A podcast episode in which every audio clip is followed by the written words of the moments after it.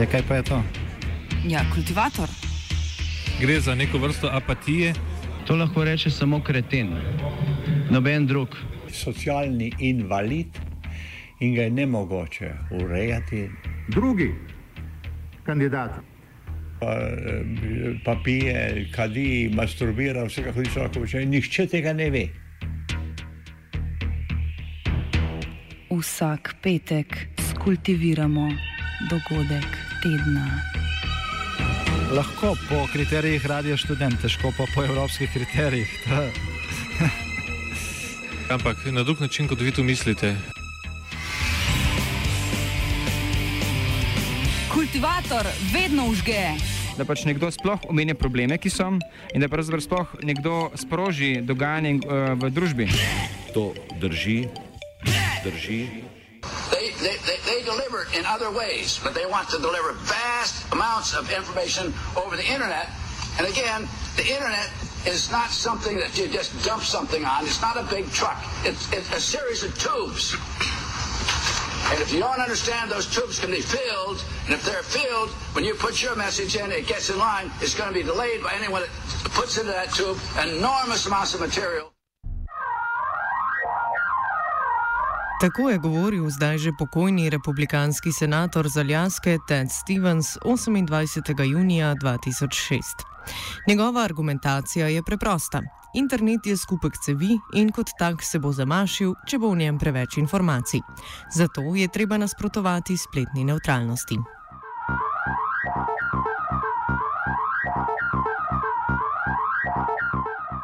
Spletna neutralnost je, preprosto pojasnjeno, načelo, ki zagotavlja, da bo vsak podatek, prenos megabajt na internetu obravnavan enako. Torej, da ponudnik interneta ne more omejevati ali upočasnjevati nekaterih spletnih strani ali aplikacij, s čimer bi dal nepošten, nepošteno prednost ostalim. Kot je razvidno iz 12 let starega posnetka, vojna za spletno neutralnost traja že dolgo. Bitke se bojujejo na več bojiščih, ponudniki pa so na enih uspešnejši kot na drugih. V Združenih državah Amerike so naprimer dosegli pomembno zmago z izvolitvijo Donalda Trumpa kot na mesto predsednika. S Trumpom je na mesto predsednika Zvezdne komunikacijske komisije, bolje znane z angliško kratico FCC, prišel Ažit Paj. Paj je lansko leto predlagal ukinitev načela internetne neutralnosti, ki je letos tudi stopila v veljavo.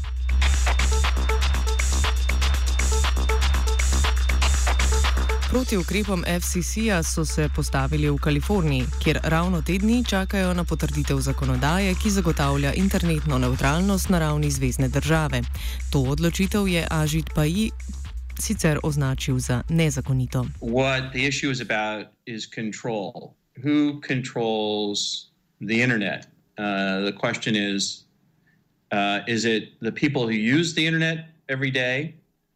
Or is it the companies, oftentimes in the United States, the phone companies, the cable companies that provide you with internet access? Net neutrality is a rule that puts that control in the hands of internet users. It gives them the ability to choose the websites, to choose the services, to choose the content that they want to connect to um, to share the content that they want to share without having to worry about uh, their internet access provider somehow blocking, throttling, slowing down those connections. It says that the internet service provider has to pro- has to treat all content in a neutral way.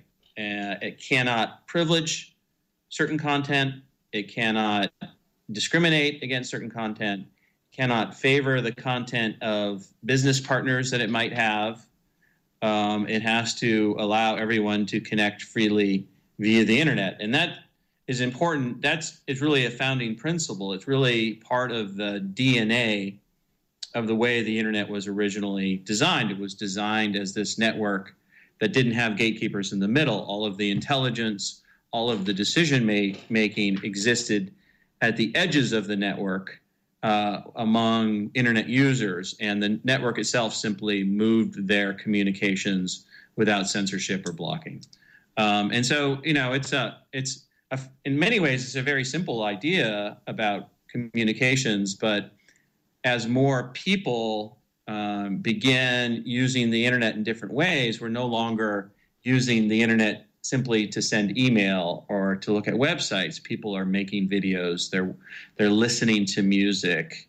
Everything that we used to do in the broader media world, people are now doing through internet connections. And as the media world shifts towards the internet, there is a there is a temptation among the internet service providers to want to control. Tako je za oddajo Zeitgeist 12. oktober 2015 o spletni neutralnosti govoril Timothy Carr iz ameriške organizacije Free Press, ki se za neutralnost spleta zauzema že od leta 2003.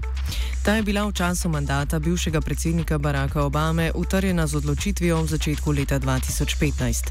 Kot rečeno, je nov režim v Beli hiši obstoječo zakonodajo o neutralnosti spleta izničil.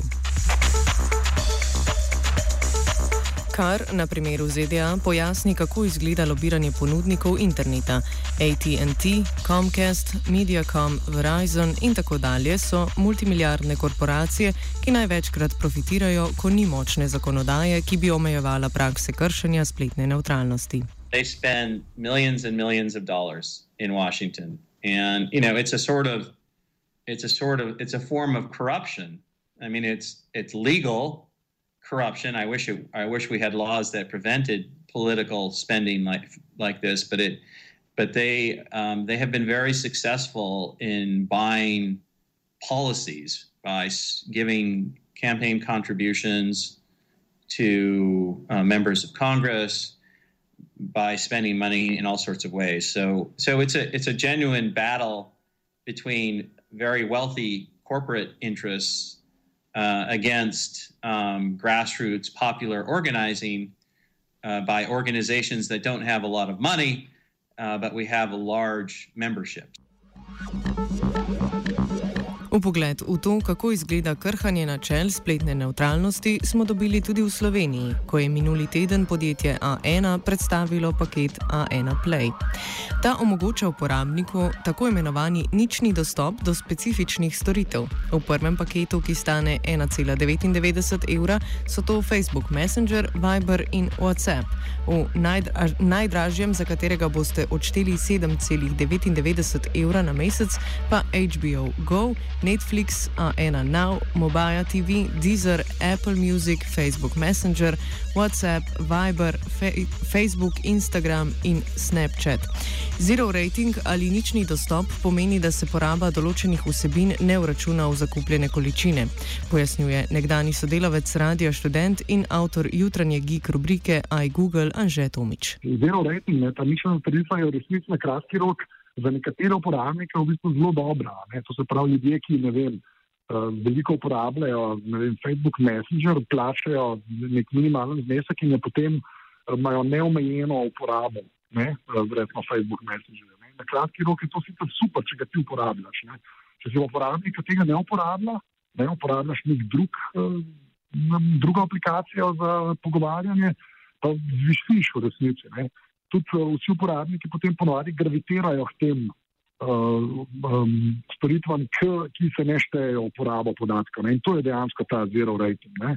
Da ti dejansko gledaš, uh, mislim, da v tem video paketu, ki ga ima zdaj A1, je vključen recimo Netflix, da ti gledaš Netflix, se ti to ne odšteva od zakupljene porabe, ne, ki jo ima tvoj paket. Na kratki rok je to v bistvu zelo dobrodošlo pri nekaterih potrošnikih, ampak načeloma pa na dolgi rok to vodi v res kar izkrivljen Eh, trg med aplikacijami, ne, ker bodo ljudje raje uporabljali um, tiste storitve, ki so v teh paketih, ne kot pa mogoče kakšno konkurenco, ki ni. Ne. Drugi že spet pridemo na dolgi rok do resnih težav za odprtost interneta in načelo neutralnosti. Ne. Tomič nadalje pojasni, kako po njegovem mnenju aktualna ponudba A1 krši načelo spletne neutralnosti. Ja, A1, kar se mene tiče, krši načelo neutralnosti interneta tukaj je treba toliko razlike narediti, samo zato, ker so pač oni dejansko dobili odobritev od AKOS-a, ki pri nas to regulira, ne, uh, da to lahko pač počnejo na ta način, ne, da te pakete lahko ponujajo. Ampak, kar se mene tiče, je pa ta pač test je zelo preprosta, nek operater pač krši neutralnost interneta ali pa ne in to je, če na kakršen koli način podatke obravnava drugače. Ne. Zdaj, ko imaš ti enkrat pakete, ki jih lahko doplačaš in nekatere pač aplikacije ali pa storitve se ti štejejo v podatke, nekatere pa ne, je to pač razlikovanje uh, med podatki, ki se pretekajo po žicah in po zraku. Ne. In kar se meni tiče, potem to kršenje načela internetne neutralnosti. A1 je v odzivu za medije zapisal, da citiramo: V A1 vs internetni promet obravnavamo enako. Uporabniki morajo namreč za uporabo opcij A1 Play vse čas imeti zakupljen tudi prenos podatkov v osnovnem paketu. Če bomo po porabi zakupljenih podatkov upočasnjevali ali blokirali promet, bomo to storili za vse promet, vključno s Facebookom in WhatsAppom. Prav tako vsi ponudniki aplikacij z enakovrstnimi vsebinami, kot so predvidene v posameznih opcijah, lahko pod enakimi pogoji postanejo partnerji in, ne, in bodo vključeni v ponudbo. Takšna ponudba je povsem skladna z veljavnimi predpisi in evropsko regulatorno prakso, ter je bila sprejeta ob upoštevanju vseh najboljših praks držav članic, kjer operaterji ponujajo to vrstne pakete ali opcije. Pri oblikovanju ponudbe je bila upoštevana slovenska sodna praksa v zvezi z uporabo 203. člena ZECOM 1. Ponudbo opcij A1 Play smo že predstavili tudi. Agenciji Republike Slovenije za komunikacijska omrežja in storitve, ki bo nedvomno vse čas skrbela, da pri njenem izvajanju ne bo kršeno načelo internetne neutralnosti.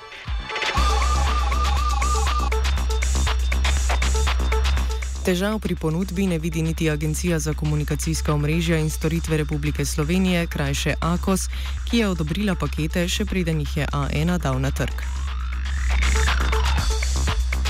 Rok Andrej iz Piratske stranke Slovenije je razočaran nad odločitvijo Akosa.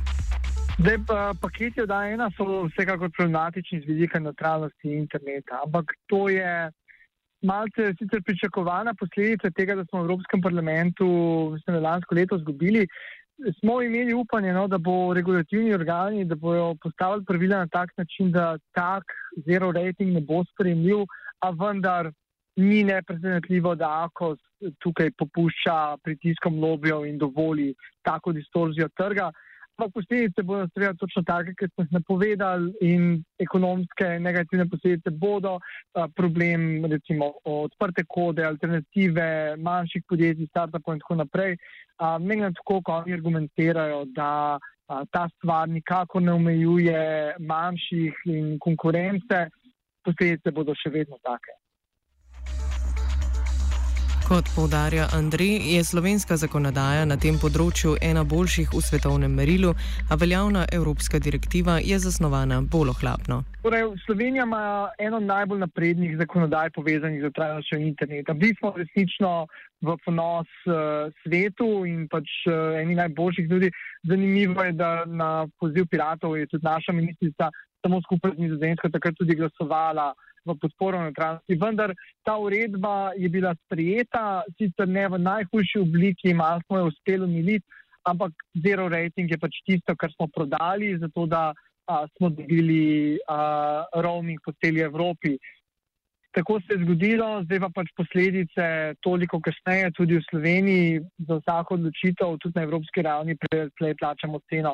Uh, in tista urena, uredba je nadrejena naši zakonodaji, tako da meni na to, koliko imamo v Sloveniji mogoče napredno zakonodajo, nam to nič ne pomaga.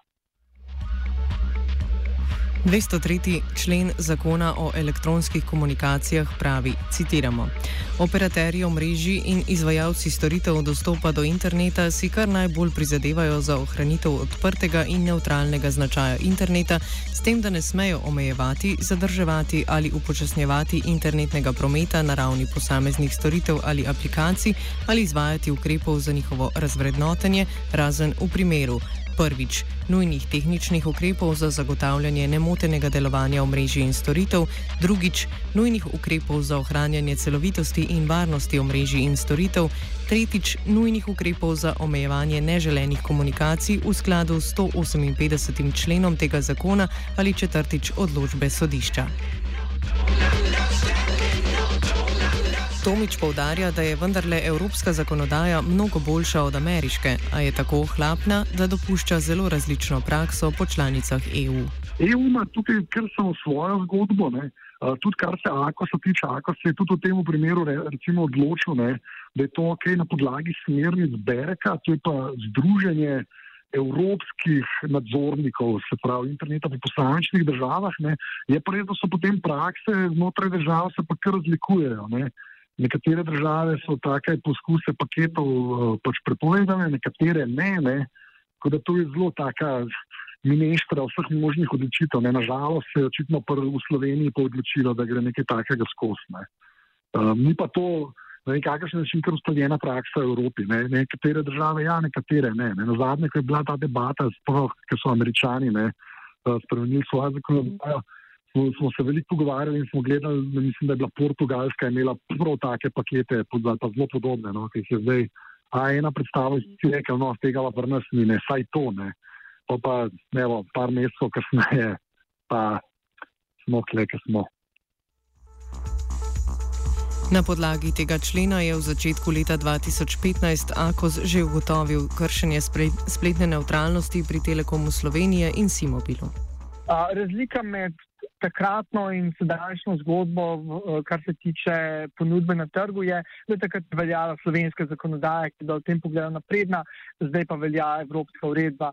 Zdaj, razlika je, um, tista oblika zero ratinga je bila hujša, ampak samo zato, ker je bila hujša, ne pomeni, da trenutna uh, uredba oziroma trenutni način kršenja neutralnosti nima velikih negativnih posledic na, na gospodarstvo in na družbo. Um, je pa seveda glavna razlika. Takrat smo imeli zakonodajo, zdaj pa imamo evropsko zakonodajo.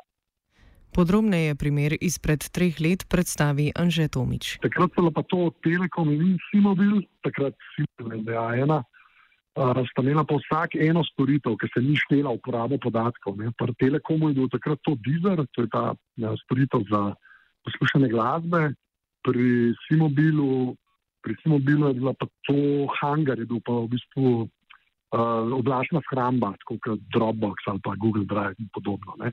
In se pač tisto uporabnikom ni štelo v uporabo.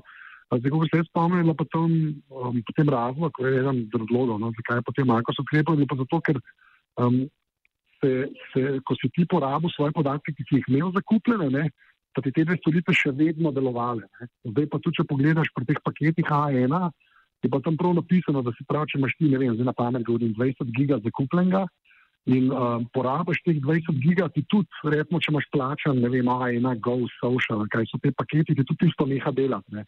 In potem na podlagi tega nekako se to razume, da se podatki ne uporabljajo, um, ne, ne, da se ne razlikuje med podatki, ne. ampak se seveda vseeno razlikuje. Ne. Joe McNamee iz organizacije European Digital Rights je za omenjeno oddajo leta 2015, povezavo do katere lahko najdete v spletni verziji te oddaje, predstavil zmagovalce in poražence, ko ni neutralnosti na spletu. Small internet providers uh, generally support net neutrality um, because um, their business is simply providing access to the internet.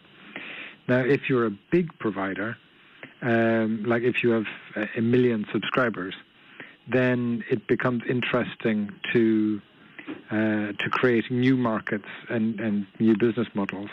So, if, for example, um, you you can say to to Facebook or to Google or whoever, um, you can get you can get a special access, uh, a fast access to my customers, all of my customers, my my million customers um, but you have to pay for that.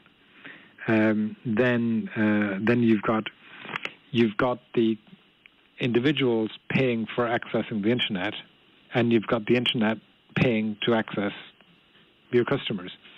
So you you can uh, you can make a lot more money. Um, it's uh, less good for your your customers. It's less good for innovation. It's less good for freedom of speech. Um, but in the short term, it's interesting uh, for the, the, the big internet companies. Trhle temelje, na katerih stojijo argumenti nasprotnikov spletne neutralnosti, predstavi Andrej iz Piratske stranke. Zdaj, njihov argument, da je dobro za uporabnike, zato ker dobijo uporabniki neomejen dostop uh, do interneta za specifično skupino aplikacij. Kar je sicer recimo pri aplikacijah za, za chat malo absurdno, ker porabijo resnično malo podatkov in je to čisto stran vržen denar, ampak recimo pri video prenosih se vam mogoče bi celo kdo razmislil, bi rekel, da se mu splača, pa prenos glasbe in tako naprej. Uh, in oni argumentirajo, da ne kršijo neutralnosti interneta zato, ker pač kdorkoli teoretično lahko dostopa zraven. Ok, ampak pravila so tukaj nastavljena za katero koli podjetje, ki je v Sloveniji in ima čas se ukvarjati s tem. Se pravi, tuji konkurenti tako jo spadajo. Ampak kaj pa recimo distribuirani sistemi? Recimo sistemi, ki ne potrebujejo neke korporacije zadaj za to, da delujejo neodvisni sistemi od te, te pa ne bodo vključeni, ker ne bo nikogar, ki bi tukaj lahko bil zraven, niti tem, kako so ga postavili tehnološko, tega ne podpira. In kar naenkrat, ja, mogoče ni efekt na, na samo konkurenco med a, velikimi igralci tako močan, kot bi bil lahko v najhujši obliki, ampak a, je pa zelo velik efekt na konkurenco alternativ trenutnim konceptom. Končno besedo današnjega kultivatorja dajemo Google. Ja, jaz sem imel eno tako res, mogoče na prvo žogo primerjavo, ampak pač internet je bi moral postati taka drobina, kot sta voda pa elektrika. Pač nekaj, ki pride človeku domov ali pa zdaj v žep s telefonom. Ne? In potem človek pač internet, vodo ali pa elektriko porabi, kot, kot jo sam hoče. Ne? Nam električne, pač dobavitelj elektrike nam ne postavlja pogoja, ker lahko uporabljamo za pravilni stroj, kjer zdaj s temi paketi, pa ena gre mogoče celo za to, da ne samo za pravilni stroj, oni so zmenjeni samo recimo, ne, z elektroluxom, z gorenjem, pa niso zmenjeni, ne, kaj se šteje v porabo, pa kaj ne. Ne, enako je z vodo, ne. voda pride na eno stran in se jaz lahko ali tuširam ali v banji kopam, noben ga to ne zanima. In isto bi mogli biti z internetom. Internet mora priti do doma in potem se ga uporabljati, kot se ga uporablja. Ne. In to bi pač to, to načelo internetne neutralnosti in vsega skupaj, tega bi se mogli načeloma ponudniki interneta držati in se seveda ne, ne, ker pride do konflikta interesov, ko oni začnejo uh, tudi svoje storitve uh, uporabljati, mislim, uh, pušati naprej ne, na uporabnike, ko ne vem internetni ponudniki kar naenkrat samo svoje televizije, pa svoje muzične, pa svoje shrambe, pa vse svoje. Ne. Se mi je valjda v interesu, da bodo te stvari nekako bolj dostopne njihovim uporabnikom. In en način za doseganje tega so pa te zelo rejtingi, ker, kot sem rekel, na kratki rok res za kršne uporabnike so dejansko zelo fajn stvar, ne, ampak na dolgi rok za internet pa bom lahko vehementno rešil še za družbo, niti ne tokne. Za dobičke gre. Kultiviral je Antun.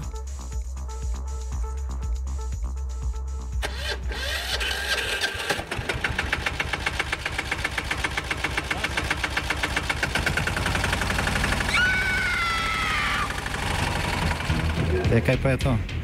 Ja, kultivator. Gre za neko vrsto apatije. To lahko reče samo kreten, noben drug. Socialni invalid in ga je ne mogoče urejati. Drugi kandidat. Pa, pa pije, kadi, masturbira, vse kako ti lahko reče. Nihče tega ne ve.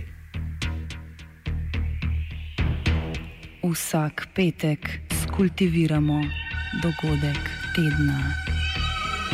Lahko po kriterijih radio študent, težko pa po evropskih kriterijih. Ampak na drug način, kot vi to mislite. Kultivator vedno užge. Da pač nekdo sploh omenja probleme, ki so, in da pravzaprav sploh nekdo sproži dogajanje uh, v družbi. To drži, drži.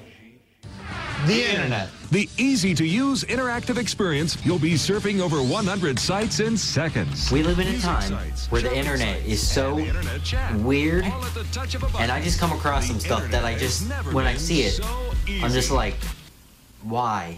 The Internet has never been so easy. The Internet has never been so easy.